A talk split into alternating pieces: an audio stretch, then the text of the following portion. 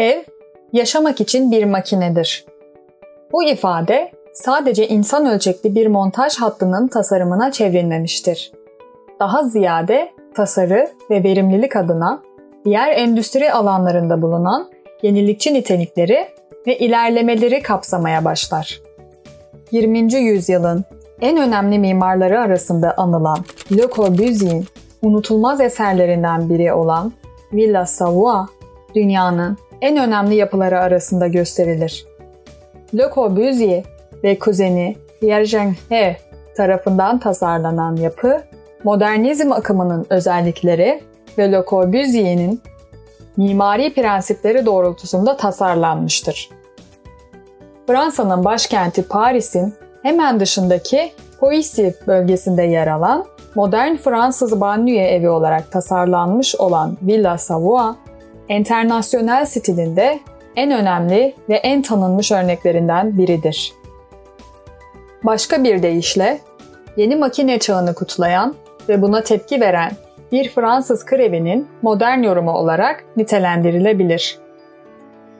1931'de tamamlanan Villa Savoie, İkinci Dünya Savaşı sırasında kullanılmayan ve harap olan bir yapı haline gelmiş, 1963'ten 1997'ye kadar Fransız devleti tarafından restore edilmiş ve halka sergilenmek üzere kullanıma açılmıştır. 1964'te de Le Corbusier hala hayattayken nadir bir olay olan tarihi bir anıt olarak listelenmiştir. Bu ikonik yapı 1932'de Amerikan tarihçi Henry Russell Hitchcock tarafından yazılan International Style isimli kitabında yayınlanmıştır. 2016 yılında ise UNESCO tarafından Dünya Mirası olarak ilan edilmiştir. Le Corbusier, mimar olmasının yanı sıra aynı zamanda şehir plancısı, ressam, yazar ve mobilya tasarımcısıdır. Farklı disiplinlerden edindiği bilgi ve tecrübenin sonucu olarak mimari tasarımlarının bu birikimden etkilendiği görülmektedir. 1887 İsviçre doğumlu olan mimar, burada uzun süre yaşadıktan sonra İtalya, Münih, Viyana ve Paris'in de dahil olduğu bir sıra seyahat gerçekleştirmiştir. 1917 yılında Paris'e taşındıktan sonra yeni disiplinleri keşfetmesini sağlayan sanatçılarla tanışır. Ardından bir tasarım serisine başlar ve kendi mimari dilini oluşturmayı başarır. Uzun yıllar devam eden mimarlık hayatı boyunca Marsilya'daki toplu ve çok amaçlı konut projesinden Rio de Janeiro'daki Eğitim ve Sağlık Bakanlığı binasını tasarlayan mimari ekibe kadar birçok çalışmada aktif olarak yer almıştır. Mimarın 1929-1931 yılları arasında yapımı tamamlanan Villa Savoie projesi ise fikir babası olduğu yaşayan makine fikrinin önemli örneklerinden biri olarak kabul edilir. Aynı zamanda yapı, Le Corbusier'in tasarımına dahil edilecek önceden belirlenmiş öğelerin bir listesi olan mimarinin 5 noktasını oluşturmuştur. Mimarinin 5 noktası, Le Corbusier'in Vitruvius'un mimarlık üzerine 10 kitabının modern yorumu olarak düşünülebilir.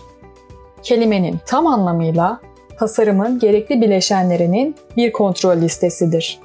Öyle ki Villa Savoie, Corbusier'in 5 noktasına tamamen uyarlanmıştır. Birinci nokta, piloti. Siteye girdikten sonra ağaç çizgisi arasında eriyen ince pilotlar tarafından desteklenen ormanlık, pitoresk arka plan üzerinde süzülüyor gibi görünmektedir. Bunun nedeni bina kütlesinin zeminden kopartılarak yükseltilmesi ile peyzajın sürekliliğinin sağlanmasıdır. Bu prensipe piloti denir. Böylelikle peyzajın bir mimari unsur olarak bina ile birlikte çalışması sağlanır.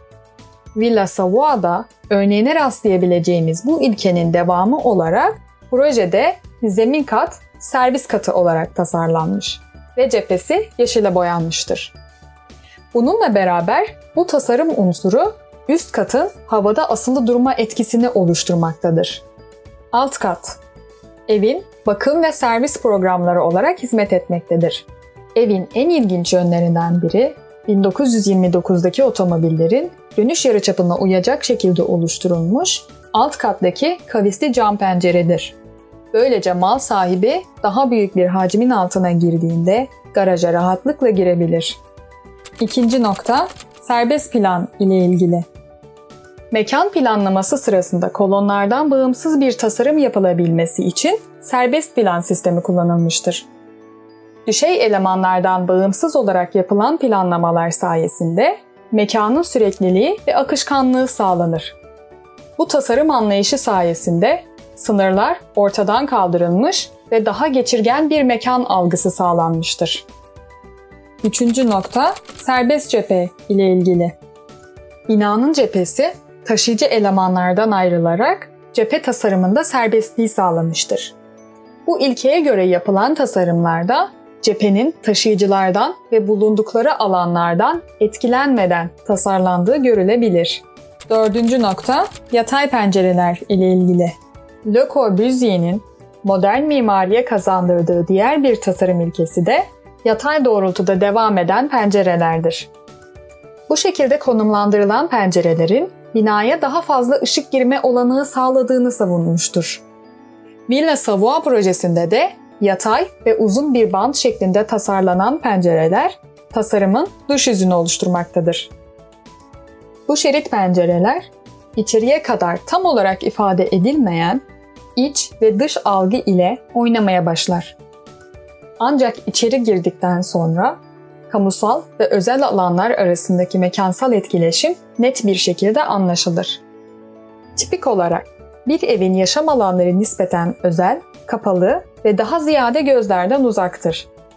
Yine de Le Corbusier yaşam alanlarını sürgülü bir cam duvarla yaşam alanından ayrılan ortak açık bir terasın etrafına yerleştiriyor. Daha geniş bir ortak ortam içindeki bu özelleştirilmiş alanlar kavramı daha sonra Le Corbusier'in konut projelerinde ortak bir konu olmuştur. Hem alt hem de üst kattaki yaşam alanları. Ev sakinlerini sürekli olarak mekanlar arasında dolaşmaya teşvik eden açık bir plan fikrine dayanmaktadır. Mimari bir güç olarak Villa Savoie, alt kattan çatı katındaki bahçeye kadar uzanan bir dizi rampayı bünyesinde barındırmakta. Bu da sakinlerin yavaşlamasını ve boşluklar arasındaki hareketi deneyimlemesini gerektirmektedir. Beşinci nokta çatı bahçesi ile ilgili. Çatı alanının kullanıma açılması, çatının mimari unsurlara dahil edilmesini sağlamıştır. Çatı alanının terasa dönüştürülmesiyle bu alana fonksiyon kazandırılmaktadır. Le Corbusier bu alanları bahçe olarak tasarlayarak çatıları yaşayan birer mekan haline getirmiştir. Villa Savoie, mimari gezinti yoluna göre tasarlanmış bir evdir. Deneyimi boşluklar arasında hareket etmektir. Bu konut, Le Corbusier'in kariyerinin yanı sıra uluslararası tarzın ilkelerini tek başına değiştirmiştir. Villa Savoie'nin fiziksel bağlamından kopması 20. yüzyılın başlarının mekanik ve endüstriyel bağlamına entegre olmasını sağlamış ve evi kavramsal olarak mekanize bir varlık olarak tanımlamıştır. Mimarın Mutfağında 10 dakikada yapılar serisinde bu hafta Villa Savoie'yi konuk ettik. Bir başka Mimarın Mutfağında görüşmek üzere. Hoşçakalın.